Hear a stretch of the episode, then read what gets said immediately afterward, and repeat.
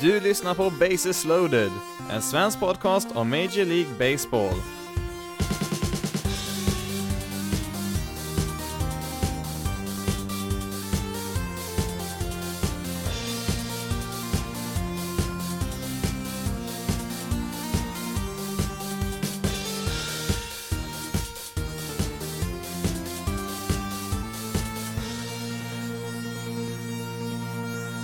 Hej och välkommen till Bases loaded, en svensk podcast om Major League Baseball. I veckans avsnitt så ligger lite extra fokus på National League East, eh, sen blir det givetvis nyheter och lite TV-tider sen på slutet.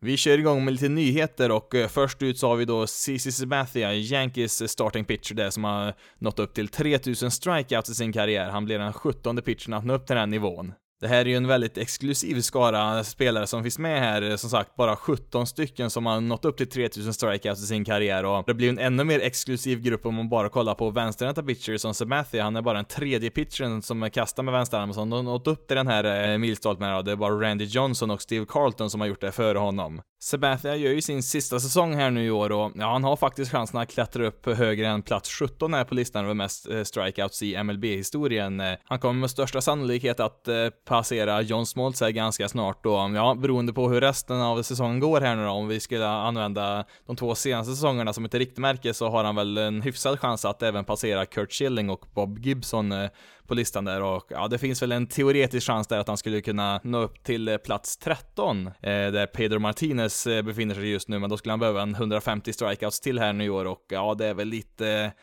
Ja, det är väl lite den övre gränsen kanske på vad han ska kunna, kunna prestera här i år om vi ska, ja, om vi ska utgå från vad han har presterat de senaste åren här, men eh, ja, det finns väl ändå goda möjligheter att han kan eh, klättra upp en, eh, i alla fall på en topp 15 placering här eh, under sin sista säsong här nu. Tittar vi bakom Sabathia då bland eh, aktiva pitchers eh, som spelar i MLB idag så är det ju först och främst då eh, Justin Verlander som ligger bakom där. 250 strikeouts bakom Sabathia är ju han och Ja, Verlander kastar ju väldigt mycket mer strikeouts än vad Sabathia gör och jag skulle väl gissa på att eh, Verlander kanske kan passera Sabathia redan nästa säsong. Eh, eh Verlander har ju ett eh, tvåårskontrakt eh, som gäller efter den här säsongen så att eh, han lär väl fortsätta att eh, kasta ganska bra där för han har ju varit väldigt bra nu de senaste åren här fast, även fast han har blivit lite äldre och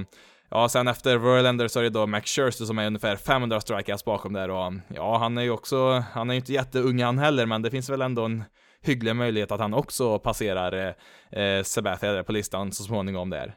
I och med att eh, Sebastian nu nådde upp till den här 3000-gränsen så har man ju då börjat diskutera om eh, han är värd att väljas in i Hall of Fame eller inte och mm, ja, det är väl lite intressant fall. Han har väl kanske inte riktigt alla de här eh, resultaten han kanske skulle behöva för att eh, komma in där om man jämför med vilka som har valts in tidigare. Eh, han har ju sex stycken All-Star-matcher eh, där och han har vunnit en Cy Young och Ja, han har, har ju också en World Series-vinst där med Yankees 2009, så att eh, han har ju vissa delar där, men eh, det är väl lite gränsfall. Eh, det, det som kan rädda honom är väl då kanske att han just har nått upp i 3000 strikeouts för att eh, samtliga spelare som har nått upp till just 3000 strikeouts tidigare har ju kommit in i Hall of Fame, men det finns bara två undantag där och det är Roger Clemens och Kurt Schilling och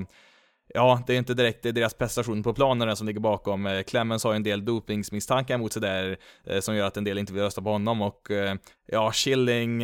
ja, han har ju uttalat sig väldigt, väldigt dumt flera gånger här efter sin karriär i olika sammanhang här och ja, det är väl mer eh,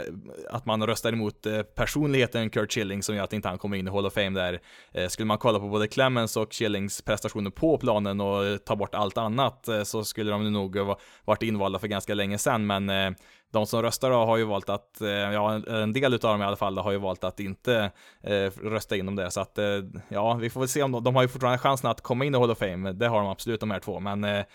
de har ju en del andra saker runt omkring sig där som gör att de inte kommer in där eh, trots 3000 strikeouts då. Ja, fallet då med Sabathia är väl också lite intressant. Det är väl inte helt solklart att han ska kunna komma in där. Det är väl lite på gränsen och mm, jag skulle nog gissa på att han kommer in till slut. Eh, det kanske inte blir första året när man får rösta in honom där som det som kommer att ske, men eh, jag tror nog han kommer in där. Man får ju, man får ju även tänka på att eh, rollen för en starting pitcher har ju ändrat sig ganska rejält på en ganska kort tid. Ja, det har ju ändrats ganska mycket under Sabathias karriär som börjar på början, ja den börjar ju i början av 2000-talet där och det har hänt en hel del med pitchers sen dess så att man får väl kanske omvärdera lite grann hur man ser på all statistik kring starting pitchers så att eh, eh annars så kommer ju aldrig en, eh, ja, någon pitch, aldrig någon mer pitcher komma in igen om man ska eh, jämföra med hur spelet såg ut eh, tidigare i historien. Men i vilket fall som helst, eh, fick ju som sagt eh, fira lite där då i Arizona, hade ju familjen där på plats på läktaren där och fick hälsa på dem lite där. Men ja, det fick ju gå ganska snabbt där för att man spelar ju då i en National League-arena där och det var ju faktiskt hans tur att gå upp och slå där så att han fick ju ladda om direkt där efter han fick sin eh, eh, sin 3000 strikeout där så var ju inningen slut där och så var det hans tur att slå där sen så att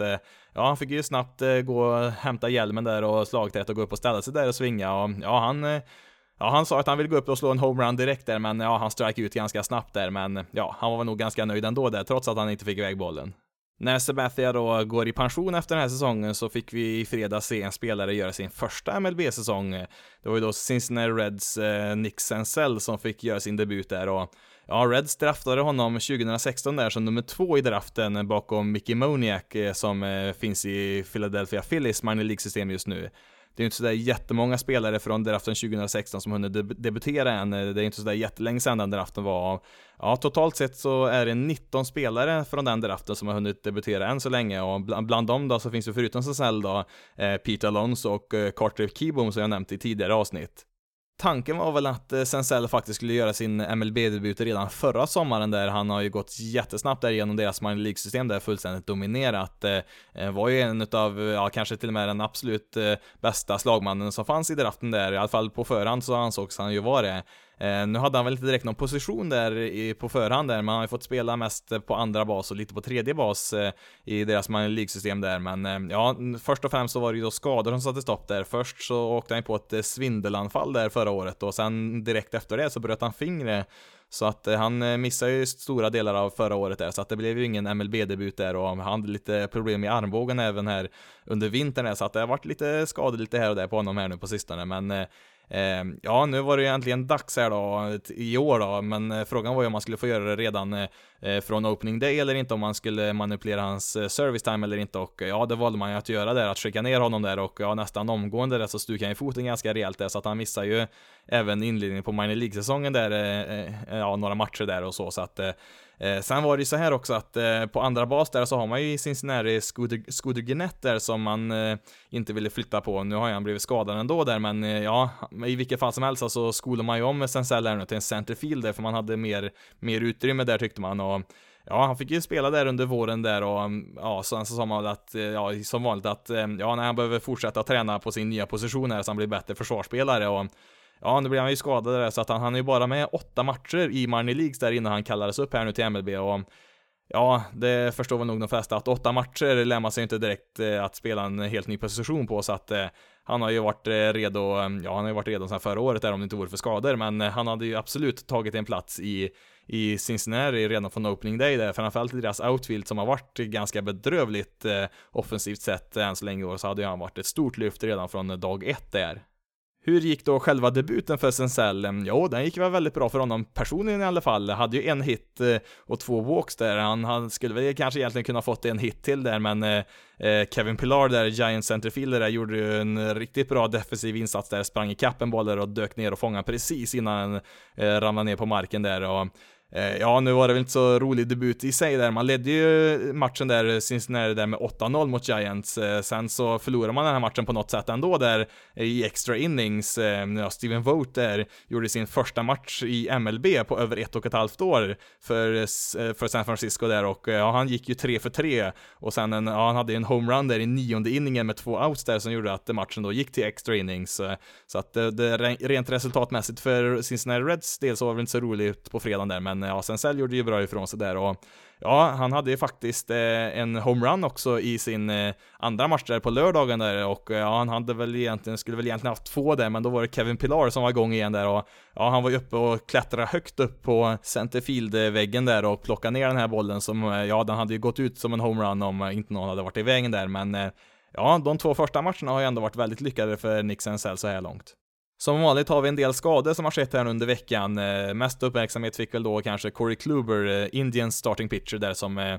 fick en line drive där tillbaka rätt på sin pitchingarm där som orsakade en fraktur på armbågsbenet där. Och Ja, det, det, det syntes ju ganska snabbt där att eh, någonting inte var rätt där, för armen bara hängde ju på sidan där. Han sprang ju efter bollen där och försökte eh, skopa iväg bollen med bara handsken till första bas där för att bränna ut motståndaren utan att eh, lyckas med det. Och ja, han kom ut ganska direkt där och Ja, nu ska han ju då vara gipsad i tre veckor här. Man eh, hoppas att man ska slippa operera någonting i alla fall, men eh, ja, tre veckor i gips och sen ska man ju då försöka eh, omvärdera situationen efter det och ja, det, det kommer ju dröja betydligt längre än tre veckor innan han är tillbaka och kastar. Och mm, ja, det, det ser lite dyster ut där nu för Indiens. Eh, eh man, ja, deras rotation var ju deras, eh, deras styrka på förhand inför säsongen här då, och nu har man ju ett par skador här eh, på en del starter, så mm, ja, i och för sig har inte Kluber varit eh, speciellt bra i år.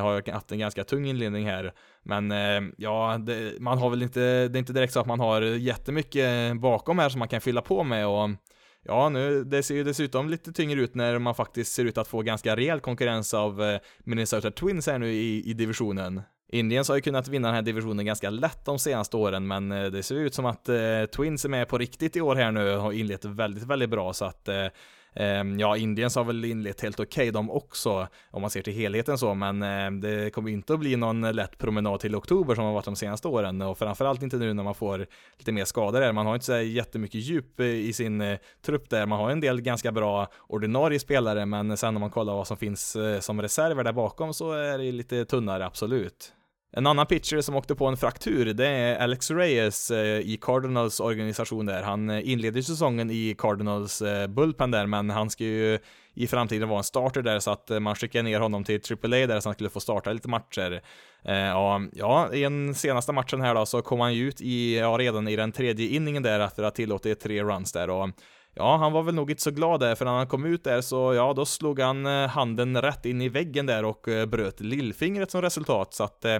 ja, Alex Reyes kommer att missa någon månad där innan han är tillbaka. Vi går vidare till Pittsburgh och deras starting pitcher Jamison Tyon som har placerats på deras injured list där. Ska vara något problem där i armbågen som inte såg så bra ut så att han får inte ens kasta en boll de närmaste fyra veckorna till en början med i alla fall och ja, om han eh, kan börja kasta då så kommer det dröja lite tag innan han är redo för att eh, spela i MLB där så att eh, ja, en sju, åtta veckor är nog i bästa fall som man skulle kunna vara tillbaka till men Ja, det såg väl inte så jättefarligt ut i armbågen där när man gjorde en undersökning där. Han eh, missade ju faktiskt hela 2014-2015 där på grund av en Tommy John operation, så att han har ju en eh, skadehistoria där sedan tidigare, men eh, ja, som sagt, man var väl nog, man trodde väl inte att det skulle vara riktigt så illa i alla fall. Eh, sen tidigare så har man ju redan en starter där, eh, Chris Archer, på deras injured list där som inte har kommit tillbaka än, så att det eh, börjar tunnas ut där i deras rotation som var så oerhört bra här nu i inledningen. Eh, sen så har vi ju sett att eh, Pirates har hamnat lite i en liten formsvacka här nu. Man ledde ju faktiskt divisionen där, National League Central, Eh, ett litet tag där, men eh, nu har man ju trillat ner en bit där i, i tabellen och Ja, för Jameson Tyons del så var väl eh, förhoppningen att han skulle kunna bygga vidare på en väldigt bra säsong förra året där och ta ytterligare ett steg framåt i sin utveckling där, men ja, det får ju, får ju vänta med att se om det blir så. Han har väl inlett helt okej, okay, spelat stabilt och så i år, inget märkvärdigt eller så, men ja, vi får väl se om han kan komma tillbaka där och leva upp till förväntningarna resten av säsongen sen.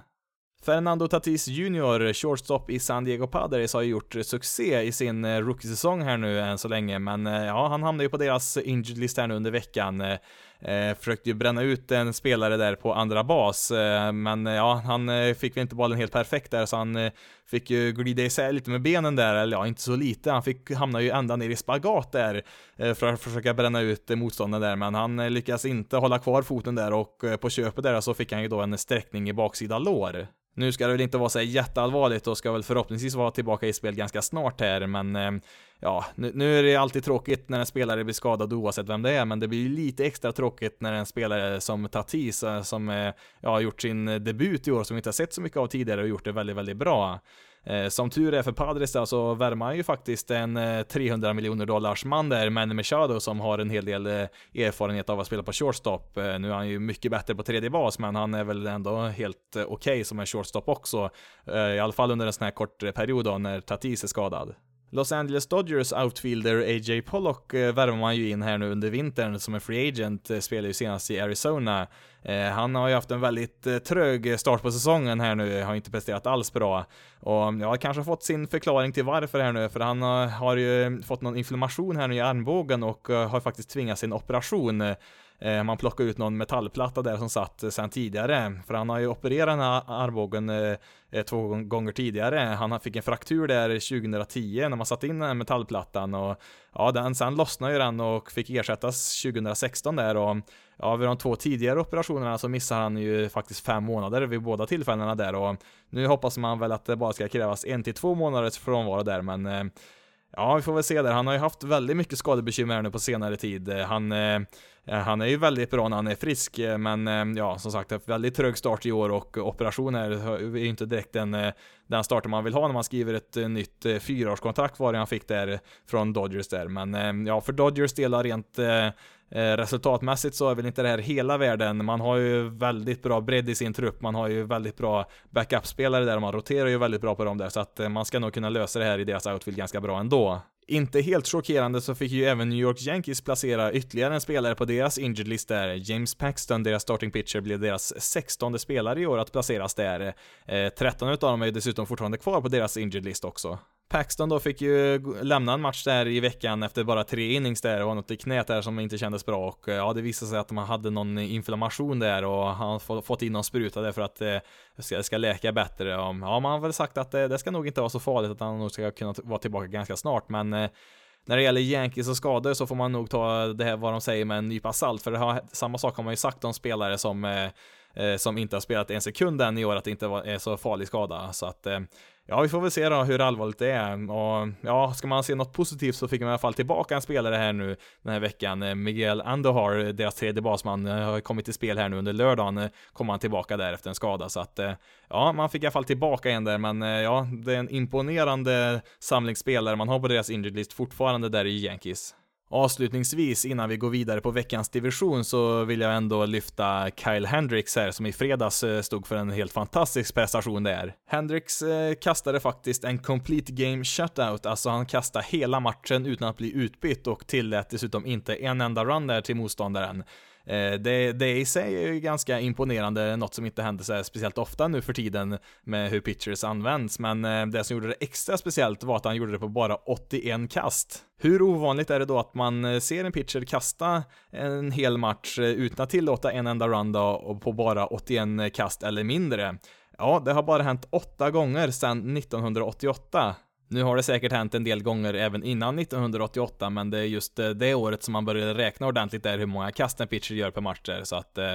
eh, Ja, som sagt, det har säkert hänt fler gånger än åtta, men vi kan inte pålitligt hitta de resultaten med, med den statistik vi har tillgänglig. Men i vilket fall som helst, det är ganska sällsynt när det händer åtta gånger på 30 år. Man kan ju då jämföra med Hugh Darvish som hade nästa start där för Cubs. Eh, han eh, kastade också 81 kast i den matchen, men han eh, kom kom ut redan efter den fjärde inningen där. Lite extra roligt blir det när man tittar på vilken hastighet Hendrix har. Han snittar i den här matchen då runt 87 miles per hour på sin,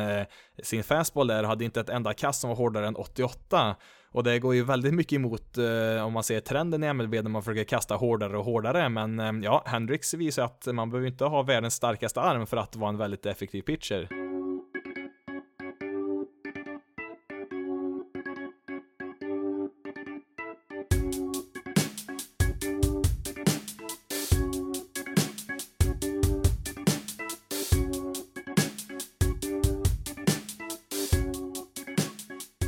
Går vidare med veckans division som är National League East. Miami Marlins hade väl nog inte någon förväntat sig någonting utav i år, men ja, 9 vinster, 23 förluster är fortfarande väldigt, väldigt dåligt. Eh, eh, man kommer att spela den här veckan två serier mot eh, Cubs och mot Mets är det här närmast. Men det har inte bara varit eh, negativt för Miami, det, framförallt deras eh, eh, starting rotation där har faktiskt varit över all förväntan. Fyra utav deras fem starting pitchers var faktiskt rookies förra året, så ja, de har presterat mycket bättre än vad man skulle kunna förvänta sig. Eh, ser man till hela ligan så är väl eh, Miami någonstans, ja i mittenskiktet där någonstans när det gäller deras rotation där, hur, hur de har presterat än så länge i år, vilket är mycket bättre än vad man kanske skulle kunna tro på förhand. Caleb Smith är väl den eh, pitchen där som har varit eh, vassast än så länge där i, i Miami. Eh, han startade 16 matcher redan förra året där och gjorde det helt okej, okay, men nu har han väl tagit ytterligare ett steg framåt här i år. Eh, har väl inte någon större hastighet när han kastar han heller, likt eh, Kyle Hendricks där som vi nämnde lite tidigare där. Eh, har väl lite mer tryck i, i armen där, kommer väl upp i någonstans runt 92 miles per hour när han kastar sin fastball där. Trots att han inte har någon sån här enorm eh, hastighet i bollen där så slänger han väldigt mycket bollar mitt i strikezonen. Eh, eh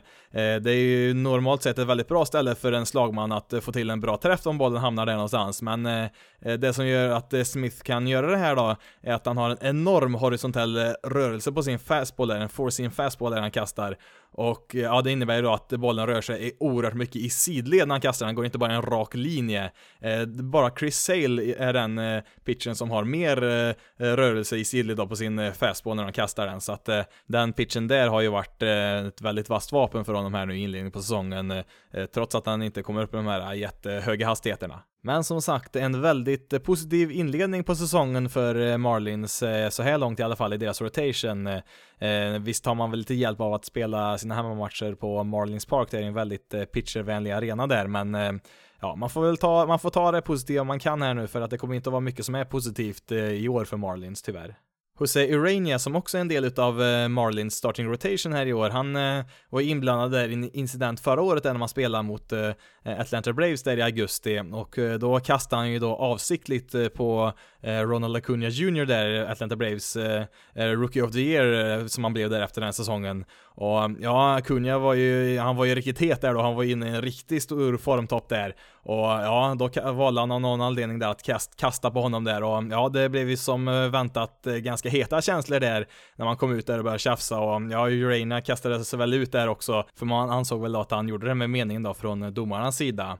Och ja, inför mötet här nu i år då, så har man ju då spekulerat i om det skulle hända någonting i den här matchen då för att eh, hämnas eh, för det som hände i augusti där. Det första tecknet på att något kanske skulle hända kom ju där strax innan matchen när man kallade upp eh, Tuki Toussaint, eh, ett pitching prospect där som har varit lite upp och ner på deras MLB-roster här. Och ehm, ja, han är ju en pitcher då som, ja, han ska väl vara en starter i framtiden här, men han kan i alla fall kasta eh, lite fler innings än en traditionell reliever och ja, då trodde man väl då att eh, man kanske skulle kasta på Urana ganska tidigt här och riskera att eh, eh, deras eh, starting pitcher skulle åka ut ganska tidigt där och man då, då skulle kunna slänga in Tucker Toussaint där som skulle kunna fortsätta där som en traditionell startare, även fast han inte startar matchen. Intressant nog så var det ju Kevin Gossman som startade för Atlanta Braves där, det var ju faktiskt han som även startade den här matchen i augusti för dem där, så det var ju exakt samma starting pitchers för båda lagen här och eh, ja, mycket riktigt här så tog han ju första chansen han fick här och kastade en boll där som kom bakom eh, Jose Urania där. Han, eh, han fick väl skutta till lite där Urania så att eh, det är väl lite oklart om han hade blivit träffad eller inte om han hade stått still där men eh,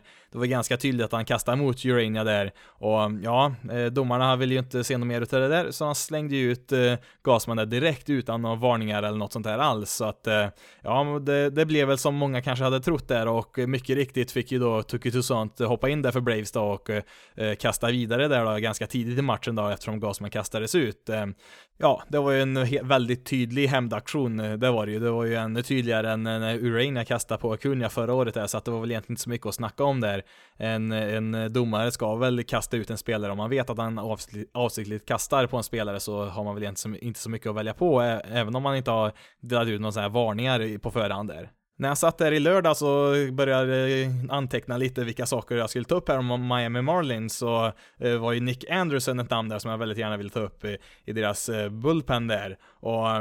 ja, eh, nu vart det väl kanske inte riktigt så lyckat då eftersom att Eh, han eh, tillät en Grand Slam här nu sen under lördagnatten som höjde hans ERA från 2 till, ja den kom upp nästan i 5 där. En enorm höjning där eh, och ja det blir ju så här tidigt på säsongen när relievers då, som inte kastar så mycket innings så det är ju lätt att deras siffror går upp och ner då. Men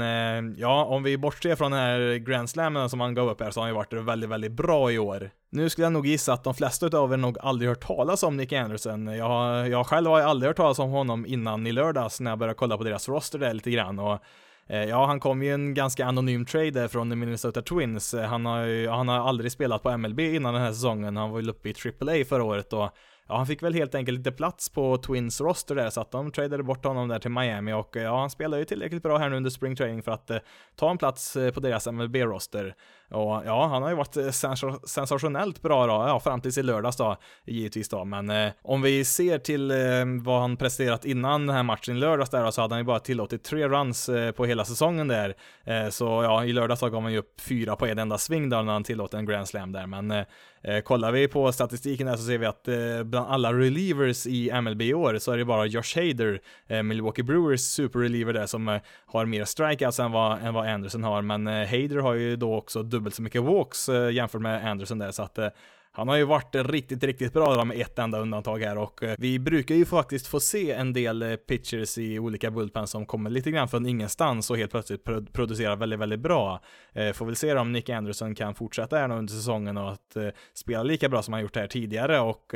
ja, det största utmaningen är väl då att fortsätta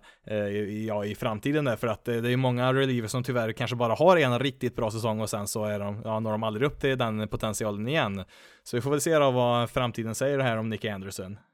Om vi går till det som är lite mer negativt så är det framförallt deras offensiv som har varit under all kritik. Eh, man sparkar ju faktiskt sin hitting coach här ganska nyligen, eh, eh, men ja, det, det, är mycket mer problem än så.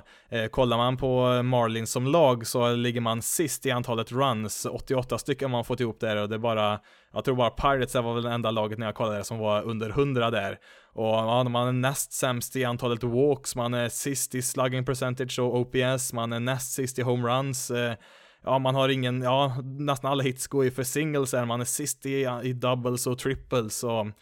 Ja, och kollar man på hela deras roster där så bland de spelarna som spelar regelbundet då så är det egentligen bara tre stycken som eh, producerar som en genomsnittlig spelare eller bättre, vilket är under all kritik. Eh, det är väl Jorge Alfaro där, deras catcher som man fick i en trade där när man bytte bort eh, JT Real Muto, deras tidigare catcher där, till Phillies. Så ja, han har väl varit, en, varit eh, bra både, både som en defensiv catcher men även offensivt där. Men eh, ja, det, det ser inte alls bra ut eh, när han står där och svingar.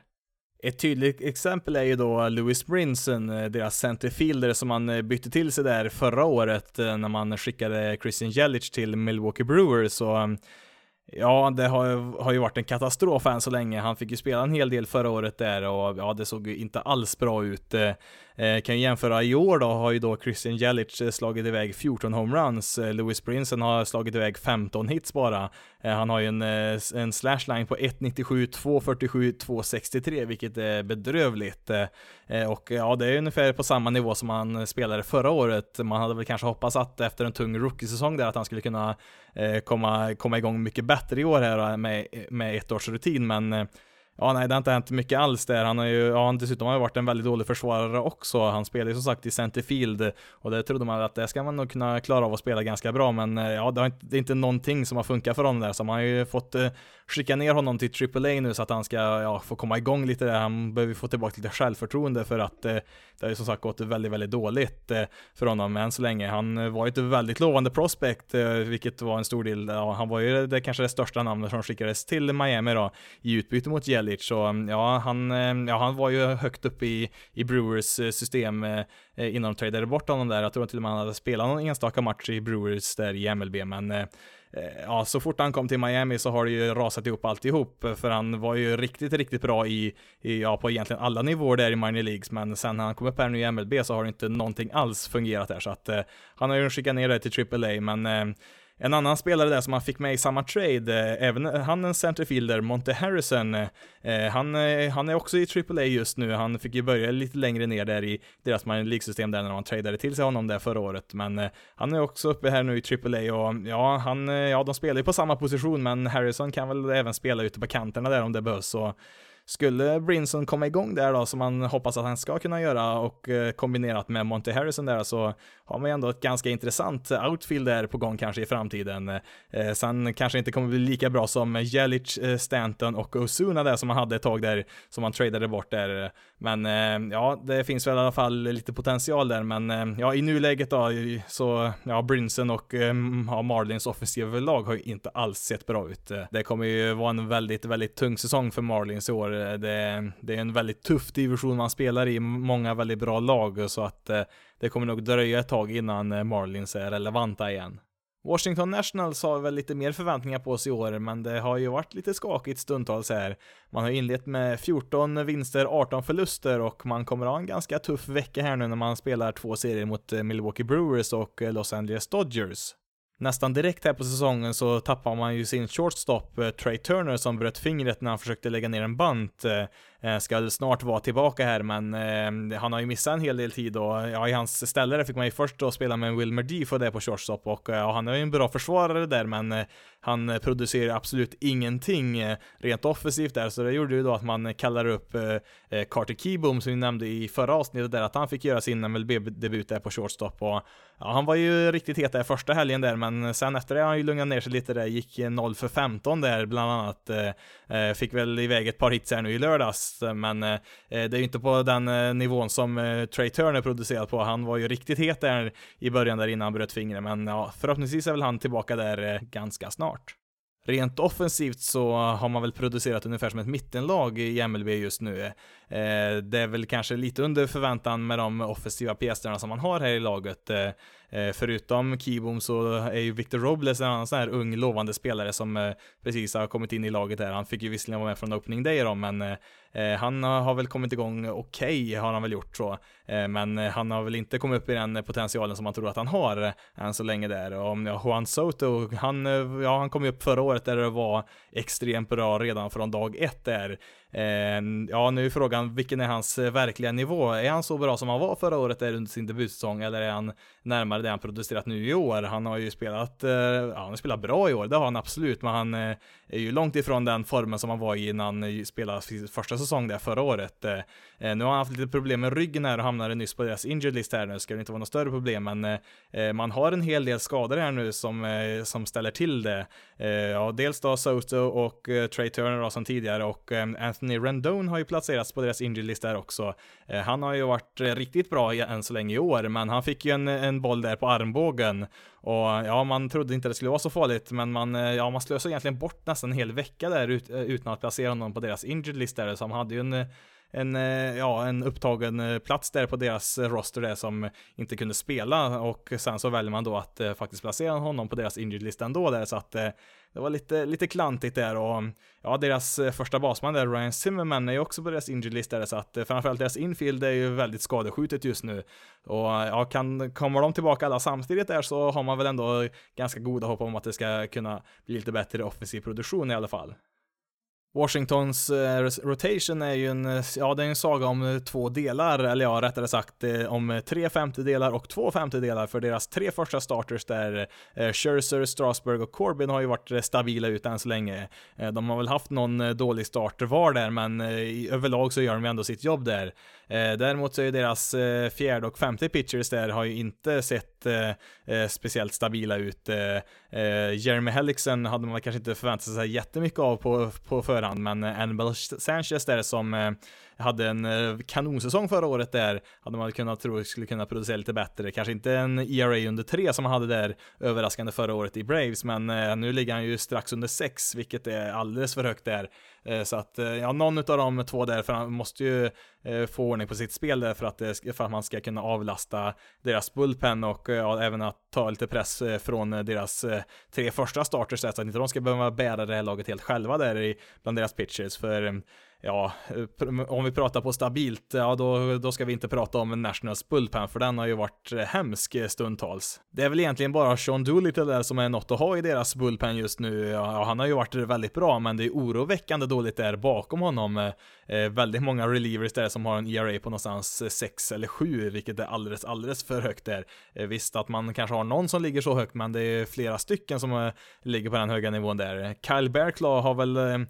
ja, han har ju fått med sig resultaten, har en ERA någonstans runt en och en halv där och men eh, han ser ju väldigt ostabil ut när han eh, eh, kastar där och jag är ju väldigt tveksam till att han kan fortsätta pitcha som han har gjort här och fortsätta ha sin ERA sådär lågt så att jag skulle inte direkt luta mig mot honom där i, en tuff situation. Sen så har man ju faktiskt sparkat sin pitching coach där, Derek Lilliquist, som, ja lite ironiskt nog jobbar ju han som pitching coach där för Cardinals fram till 2017 och där var han ju bland annat tränare då till deras dåvarande closer eh, Trevor Rosenthal Just eh, Trevor Rosenthal var en av värvningarna man gjorde till Nationals här nu i vintras. Eh, Eh, han eh, missade ju hela 2018 där med en Tommy John-operation där, som han chansade lite på att han skulle kunna komma tillbaka här, för han har ju varit eh, en väldigt bra pitcher tidigare. Han var ju Cardinals closer där under flera år och hade väldigt stora framgångar som det. Men han har ju tappat det helt här nu nämnde ju här i något, för något avsnitt sen, han hade ju en ERA som var infinite, alltså det gick inte att räkna ut hans ERA eftersom han inte fick någon out där. Sen har han ju faktiskt fått ut några spelare här under säsongen här, men han har sammanlagt då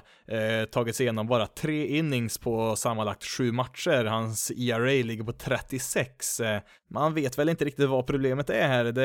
det, är mycket möjligt att det sitter mentalt det här, för han kastar fortfarande lika hårt som han gjort tidigare, 98-99 miles per hour, men har extremt svårt att hitta strikezonen som han inte har haft eh, under tidigare år direkt så. Eh, nu slutar det med att man placerar honom på deras injured list här nu med någon virusinfektion sa man, men eh, det är väl nog minst lika mycket prestationsbaserat där, att man vill få bort honom från deras roster där och försöka få honom att jobba på lite saker där så att han kan komma tillbaka i, ja, i no någorlunda kompetent skick där. Eh, det är väl frågan då om deras eh, pitching coach där då, eller för detta pitching coach, coach eh, Lillyquist där, om han fick sparken, om det var en, om det var en del i att inte han kunde få ordning på Rosenthal där som han faktiskt varit eh, eh coach för när han var closer där i, i Cardinals. Eh, det är väl en spekulation där bland annat, men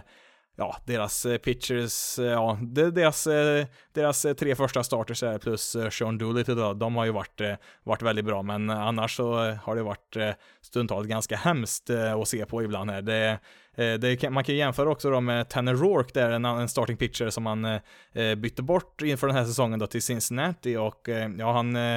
han har inte varit sensationellt bra, men han har ändå pitchat ganska effektivt där i Cincinnati, så att han hade ju faktiskt varit ett stort lyft i Nationals eh, trupp i år. Och eh, ja, det blir väl en hel del press här nu på deras eh, front office här nu efter fiaskot förra året där när man eh, var favorit, favoriterna till att vinna divisionen där. Och ja, nu blev det ju inte så. Och eh, ja, nu med den här knackiga starten här så ja, frågan är vad, vad ska man göra åt det här nu? Eh, frågan är ju om man har en misslyckad säsong i år, om, eh, Eh, om deras eh, general, general manager där, eh, Mike Riss, om han får vara kvar, om, om det går dåligt även i år. Eh, som det ser ut just nu så presterar man ju ganska långt under eh, den roster man har och den payroll man har. Man betalar ganska mycket för de här spelarna, har ju en av ligans högsta löner, har man ju, så att man skulle kunna förvänta sig att man ska kunna vara ganska slagkraftiga, men ja, nu är det ju ganska tidigt fortfarande på säsongen där, man är inte så jättelångt efter i tabellen heller, men eh, eh, man skulle behöva komma igång lite här nu, Man får, får hoppas att de här skadade spelarna kommer, kommer tillbaka här ganska snart, för eh, risken finns ju att eh, något av de här andra lagen helt plötsligt eh, kommer in i en riktig formtopp här och drar ifrån i tabellen. Och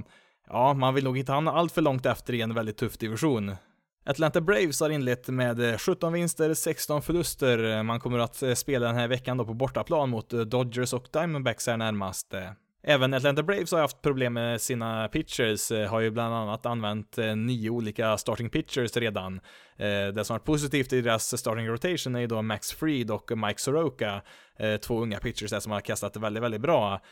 Fried, han var ju förra året både i deras rotation och som reliever där, han gjorde lite både och där. Eh, eh han var faktiskt en reliever när säsongen började i år också, men eh, efter två matcher där så slängdes han faktiskt in i deras rotation där och eh, ja, som det ser ut just nu så kommer han ju få stanna där för han har kastat riktigt, riktigt bra. Han draftades i första rundan 2012 så att han är ju ett prospect, eller ja, han var det tidigare i alla fall. Han, det är ju ett tag sedan han draftades. Men ja, i år ser det väl ut som att han kanske kan få sitt stora genombrott här. Eh, lite liknande förutsättningar är det för Mike Soroka där som också draftades i första rundan men 2015 eh, fick ju även han starta några matcher där för Braves förra året. Tanken var väl nog att det skulle bli ett lite mer se och lära år för Soroka i år men eh, på de här första starterna så har han ju sett riktigt vass ut så att eh, det finns väl goda möjligheter att han etablerar sig i deras rotation här direkt nu. Mike Foltinevich som ska vara lagist ace här då, han fick ju ett stort genombrott förra året. Eh, han eh, inledde säsongen skadad här nu så att han har ju rehabbat större delen av säsongen eh, fått kasta lite matcher i minor leagues där och ja, det var väl inte så jättebra resultat där nere, men eh, ja, han eh, har kommit upp här nu i MLB och kastat ett par starter också. Eh, har väl varit lite blandade resultat där, men eh, kommer han upp i någon, ja, någorlunda liknande nivå som han var förra året, kombinerat med att eh, Max Fried och Mike Soroka, som vi nämnde, eh, fortsätter på sin nivå där, så ser det väl ganska lovande ut där i deras rotation i alla fall. Eh, har även där Kevin Gasman som kan vara, ja, han ska väl kunna vara ganska stabil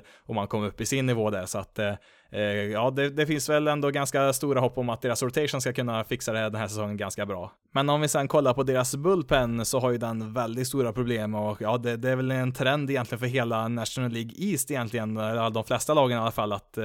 deras bullpens har ju varit eh, hopplösa emellanåt här. Eh, man har ju tappat väldigt många ledningar här i Atlanta under säsongen här ganska sent och ja, man har använt eh, 17 stycken olika relievers redan bara i Atlanta. Deras eh, closer, Viscain och där, har ju skadat sig och blivit borta resten av året där och AJ Minter där som också skulle vara med och dela lite på closer-rollen där har ju varit helt hopplös i år. Han var ju bra förra året men just nu ligger hans ERA över 8 där så att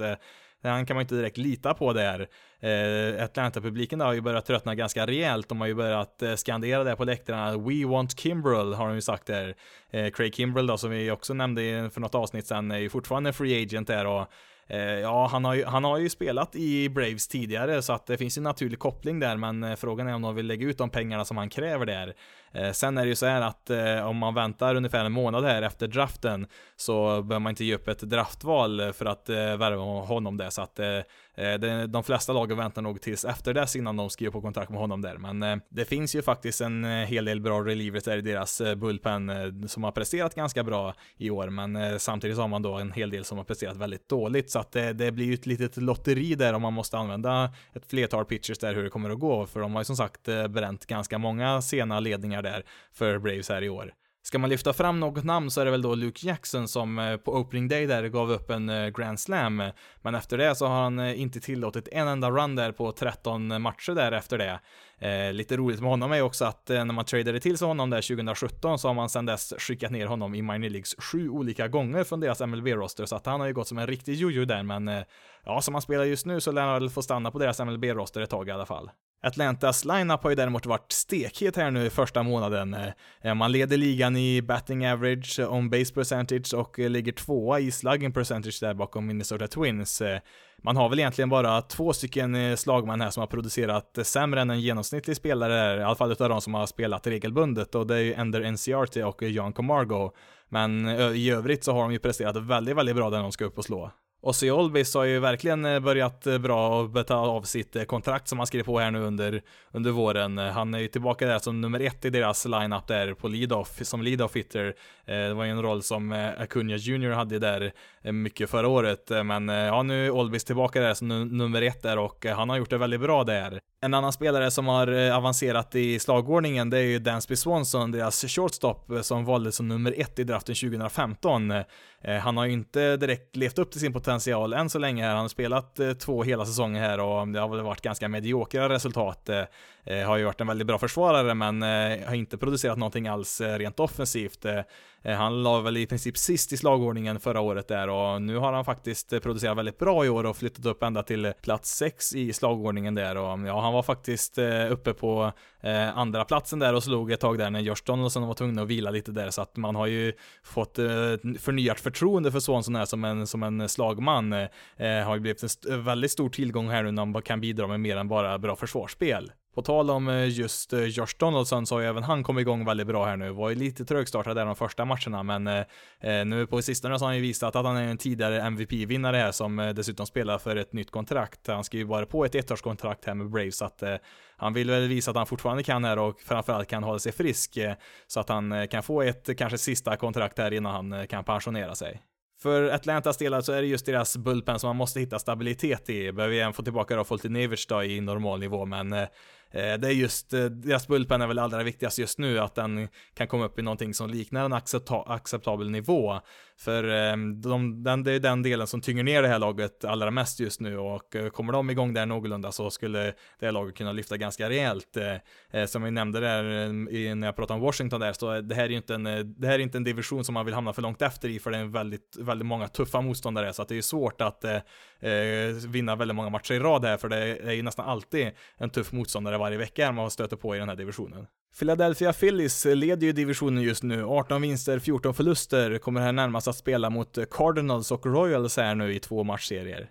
Philadelphia har väl inlett säsongen helt okej, okay, men med alla de uppgraderingar som man har gjort så nöjer man sig nog inte med helt okej okay i år. Gene Segura har ju varit ett riktigt stort lyft där på deras eh, shortstop-position eh, jämfört med vad man hade förra året där. Eh, han var ju skadad lite här också nu ett litet tag här och då fick ju Scott Kingery hoppa in där Eh, fick spela lite grann och han såg ju faktiskt fantastiskt bra ut det lilla han fick spela, men han åkte också på en skada där. Men det, det är ändå lovande inför framtiden där, för Kingery var ju en stor besvikelse där i sin rookie-säsong förra året. Eh, eh men om han kan spela på någonting som liknar det han har visat i år så har man ju ett rejält lyft där på Kingery där som kan spela på lite alla möjliga positioner där på deras infield. JT Muto anses väl vara kanske ligans bästa catcher där som han bytte till sig under vintern. Eh, eh, har väl inte riktigt kommit upp i sin offensiva potential ännu. Har väl spelat helt okej, okay, det har han väl gjort, men eh, man trodde väl att han skulle få ytterligare större lyft här nu när han eh, eh, får spela i Philadelphia som har en betydligt eh, generösare hemmaarena där. Eh, Marlins Park som han spelade på tidigare, som vi nämnde, är ju väldigt eh, pitchervänlig där och därför så har ju hans offensiva siffror dämpats lite där eftersom han har spelat hälften av sina matcher på just den arenan tidigare. Eh, däremot så har han ju visat en väldigt stor förbättring på, sin, eh, på sina defensiva egenskaper där, just som en catch där och framing har han blivit mycket bättre på här nu i år, så att eh, han väger väl upp lite där i alla fall än så länge. Sen så har vi ju givetvis eh, Bryce Harper där också då, som skrev på sitt monsterkontrakt här inför säsongen. Eh, eh ja, likt eh, Phillies överlag där så har väl han också inlett helt okej. Okay. Han har väl spelat bra, det har han väl, men eh, han har väl inte spelat 330 miljoner dollar bra, det har han väl inte gjort. En sak som Harper har förbättrat ganska rejält är hans eh, försvarsspel. Eh, Eh, förra året så rankades han ju som en av ligans kanske sämsta försvarare där ute i right field. Eh, eh, spekulerades väl i om man trodde att han inte ville satsa fullt ut där och undvika skador där inför sin free agency där och alltså inte slänga sig efter vilka bollar som helst eller springa in i väggar och sånt där utan ja, helt enkelt försökte hålla sig frisk där och mm, ja, nu har han sitt stora kontrakt så kanske han kan satsa lite mer där och inte vara så rädd att bli skadad som han var kanske förra året där och Ja, vad det än är så har han i alla fall eh, presterat mycket bättre där ute i, i Philadelphias right field än vad han gjorde förra året helt okej, okay. det skulle man väl kanske kunna säga om deras pitchers också. Det var väl lite kalabalik där i början av säsongen där, men det har ändå stabiliserats ganska bra där och av alla lagen i divisionen så ser väl Phillies eh, pitching-situation bäst ut i nuläget i alla fall. Det största problemet eh, just nu för Phillies pitchers, det är väl kanske Aaron Nola som var deras bästa starting pitcher förra året där och fick lite Cy Young-röster. Eh, han fick även ett nytt kontrakt inför den här säsongen, men som det ser ut just nu så presterar han ju sämst av de fem starting pitchers som han har. En väldigt stor skillnad är att eh, förra året så kastade han eh, 70% strikes på sitt första kast mot motståndare där och hamnade eh, i ett bättre läge där mot slagmannen där, men i år så det, har det varit stundtals under 50% som han har fått en strike på sitt första kast där och ja, då har han ju i, i större utsträckning hamnat i underläge istället mot slagmännen och han har ju haft en hel del problem med det. Dessutom så har ju slagmännen blivit betydligt mer tålmodiga där mot eh, Nola där den svingar inte alls på lika mycket som de gjorde förra året där utan de står och väntar tills de hittar en pitch där som de är ute efter. Och ja, Nola har ju inte lyckats anpassa sig till det här än i år, men eh, med tanke på hur bra han var förra året där så bör han ju kunna hitta någon justering här under året som gör att han kommer tillbaka i någon liknande nivå där. Nick Pivetta har ju faktiskt varit ännu sämre än Aaron Nola där i deras rotation, men eh, skillnaden där är ju att Pivetta faktiskt har skickats ner till AAA nu. Det var ju väldigt många som eh, valde Pivetta som en breakout-kandidat inför den här säsongen, men eh, det har ju inte alls funkat för honom i år. Nu såg det väl kanske inte alltid sådär jättebra ut förra året heller där. Han var väl kanske bättre än vad resultaten visade där, för han var väl lite ett offer där för ganska dåligt försvarsspel i, i Phillies där förra året, men Eh, ja, man har väl diskuterat om att han kanske kan komma tillbaka redan i år i deras bullpen, eventuellt här senare i år. Istället för Pivetta här då, så har man ju satsat på eh, Jack Eichhoff som har varit eh, lite, lite bortglömd här nu på Eh, lite dåliga Phillies-lag här de senaste åren. Han eh, kastade ganska stabilt här 2016-2017 där, men missade stora delar av förra året där på grund av skada. Eichhoff har ju verkligen eh, tagit den här chansen nu och sett bra ut de starterna han fått göra. Det fanns ju en del frågetecken här på deras rotation inför säsongen, men med Eichhoff här istället för Pivetta så har det sett ganska stabilt ut där nu på sistone. Likt många andra lag i divisionen där så var det lite kalabalik där i inledningen i deras bullpen, men eh, det har väl ändå stabiliserats helt okej okay där nu på sistone. Ehm, man ska väl kanske säga att det är väl den eh, bullpen som är mest stabil i NLEs just nu, vilket kanske inte säger sådär jättemycket, men eh, man sitter väl kanske på ett liknande problem där som eh, Braves har där, att man har några bra presterande relievers där, men man har samtidigt några stycken där som kan förstöra en hel del också, men överlag så är de ju helt, helt klart mycket mer stabila än deras konkurrenter just nu. Till sist kommer vi då till New York Mets som eh, har inlett säsongen med 16 vinster och 17 förluster. Kommer att spela först på västkusten mot Padres och flyger sen till östkusten och spelar mot Marlins den här veckan. Det har varit eh, extra roligt att eh, följa Peter Alonso här nu i första månaden här av säsongen. Han eh, fick ju chansen här nu redan från opening day att göra sin MLB-debut utan att de skulle behöva manipulera hans service time där och ja, han har ju visat att de gjort rätt beslut. Han visar ju direkt där vilken enorm styrka han har där i svingen, har ju redan fått iväg nio homeruns där och ja, det blir mycket sving och miss, det blir det ju, men han, när han väl får kontakt med bollen då smäller det rejält där. En annan spelare som har inlett säsongen väldigt bra, det är Jeff McNeil här som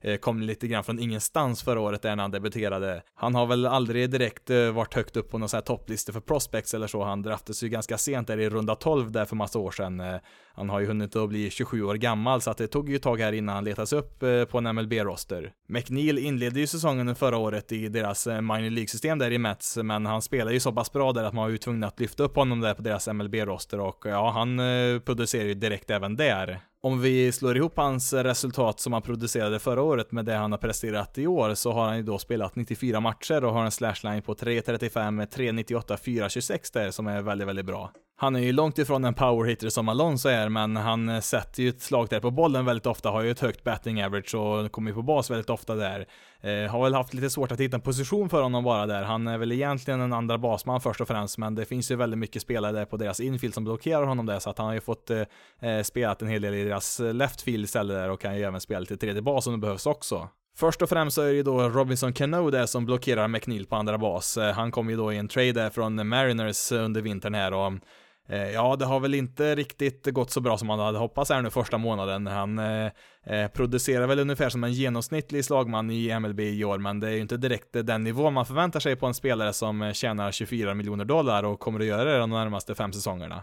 Cano börjar ju bli ganska gammal här nu, men man hade väl hoppats på att han skulle kunna producera rätt bra ett par säsonger till här i alla fall. Eh, han har ju framförallt hans eh, strikeout-siffror har ju gått upp enormt där, 70% högre än vad de gjorde förra säsongen. Eh, nu ligger de väl i och för sig fortfarande på en ganska acceptabel nivå om man jämför med resten av ligan, men han har helt enkelt tappat en av sina stora styrkor där, att, att han inte strikar ut så ofta. Och mm, ja, som det ser ut just nu efter den här första månaden så ser det ut som han går mot sin sämsta, eller ja, en av de sämsta säsongerna i karriären här, men ja, han har ju gott om tid på sig att eh, komma igång här också. Han fick väl någon boll här på handen som gjorde att han missade lite tid där också så att eh, men eh, det, det, första månaden är väl inte sådär jätteuppmuntrande när man kollar på Robinson Cano som kommer att vara här i, i fem år till minst eh, på sitt kontrakt. På tal om styrkor så ansågs väl kanske Mets rotation vara den bästa i hela MLB inför den här säsongen, men eh, det har ju sett ganska skakigt ut där och ja, deras bullpen har ju varit en katastrof. Den har likt många andra lag här i divisionen också, men det är framförallt i deras rotation där som man är lite orolig för eftersom att de inte har producerat det man behöver från dem än så länge i år. Regerande Sayang-vinnaren Jacob DeGrom inledde säsongen väldigt bra där. Han tangerade ju bland annat eh, rekordet för antalet eh, quality starts i rad där han nådde upp till 26 stycken då om man går tillbaka även till förra säsongen. En eh, quality start är ju då när man kastar minst 6 innings och tillåter 3 runs eller färre. Sen så gick det ju lite ut för det för DeGrom där hade ju tre ganska dåliga starter där. Han kastade ju inte mer än 5 innings i någon av de tre matcherna där och tillät 14 runs där sammanlagt.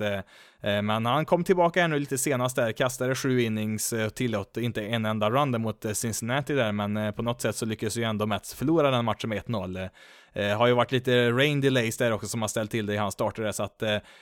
han är väl nog bättre än vad siffrorna visar just nu. Han har ju ändå en ERA som är under 4 i alla fall, så att det inte varit någon katastrof så, men det har ju varit eh, lite skakigt där stundtals. Även Noah Syndergaard har ju haft en del problem här i år. Han anses ju också vara en av ligans bästa starting pitchers, men 2019 har ju inte sett sådär jättebra ut än så länge. Men eh, likt Grom då så hade han en väldigt bra match här nu senast när han startade och eh, då kastade han ju hela matchen själv där utan att tillåta en enda run, alltså en complete game shutout. Det som gör den här matchen lite extra speciell, det är ju att eh, Noah Syndergaard dessutom slog iväg en homerun i den här matchen och det var ju matchens enda run där, för man vann ju matchen med 1-0 där med så eh, det är väldigt sällsynt att en pitcher kastar en hel match utan att tillåta en enda run samtidigt som han producerar en framåt där som han gjorde med sin homerun och ja, det här är faktiskt ännu mer sällsynt än en, än en perfect game. Det här är ju faktiskt då bara den tionde gången i MLB-historien som det här har hänt. Eh, senast som det hände var 1983 när Bob Welch gjorde det. Det kan ju vara lite roligt då att jämföra Syndergaards match ännu med Kyle Hendricks som vi nämnde här tidigare i avsnittet. Eh, eh Syndergaard kastar ju så enormt mycket hårdare och ja, hans change-up snittar ju runt 90 miles per hour, men samtidigt som att Kyle Hendricks eh, hårdaste boll där då i, i den här matchen som vi nämnde tidigare var ju på 88 miles per hour, så att eh, det finns ju en hel del olika sätt att lyckas som en pitcher i MLB kan vi, kan, kan vi ju konstatera. Jason Vargas eh, ansågs väl inför säsongen vara deras svagaste länk där i deras rotation och eh, ja, det, det anses han väl fortfarande vara. Man fick väl en hel del kritik här för att man inte eh, signade Gio Gonzalez här som var free agent pitcher där och ja, Gonzalez valde ju istället Brewer, så det är lite intressant där för Gonzalez som ja, för övrigt har inlett ganska stabilt och hade säkert varit en tillgång där i Mets rotation i år. Han har ju fått kasta två matcher än i år och Eh, ja, båda de här två starterna kommer mot just Mets där, har man ju vunnit eh, varsin match i de två mötena där, men eh, det senaste mötet här då i lördags så eh, pågick den här matchen då i 18 innings. Ryan Braun blev ju matchhjälte där och efter att det har slått 6 för 8 gick han i den matchen där, men han slog iväg en walk-off single där när Brewers vann där med 4-3 den här maratonmatchen där, men ja, Gio Gonzalez hade ju absolut varit användbar där i Mets rotation och ja, han fick en ganska låg lön där, det var bara ett par miljoner dollar han skrev på där för Brewers med lite bonusar och sånt, så att eh, både ekonomiskt och rent sportsligt så hade man väl absolut haft en plats för Gio Gonzalez i sin trupp. Avslutningsvis då, deras bullpen har ju som sagt eh, likt resten av divisionen haft eh, problem. Eh, Edwin Diaz är väl den som har producerat på en stabil och hög nivå, men annars är det ju ett lotteri där varje gång man skickar ut sina relievers där. Robert Gesellman har varit helt okej, okay, men man behöver fler som kan producera på en jämn nivå. I nuläget så har man ju en ERA på 5,42 bland deras relievers där och det är ju tredje sämst i hela MLB. Nu senast hamnar ju Jerrys Familia på deras injured list här. Han har ju eh, erfarenhet som Mets closer sedan flera år tillbaka. Men eh, ja, nu har han fått gett upp den rollen då till Edwin Diaz i år. Eh, men tanken var ju att eh, Familia skulle vara en av deras bättre relievers där i år och eh, kasta där i åttonde inningen där som en setup men eh, innan eh, Edwin Diaz tar över där i nionde. Men eh, Ja, det har inte alls sett bra ut i år och det kanske har någonting med den här axelskadan att göra då. Han skrev ju på ett eh, treårskontrakt inför den här säsongen värt eh, 30 miljoner dollar, så att eh, han har ju en del att leva upp till där. Sammanfattningsvis får jag väl ändå säga att National League East fortsätter att vara kanske den mest intressanta divisionen i MLB i år. Eh, man har ju då fyra lag som ska kunna ha ambitioner att eh, vinna den här divisionen och eh, kunna gå långt även i oktober om man får, får allt att stämma. Men som vi har hört så finns det en hel del brister i samtliga lag här. Så att det blir intressant att se om det är något lag här nu som kan fixa de här problemen snabbare än de andra och dra ifrån eller inte. Men ja, i nuläget då så, så ser det ut som att det kan, kommer bli ett riktigt getingbo här under året.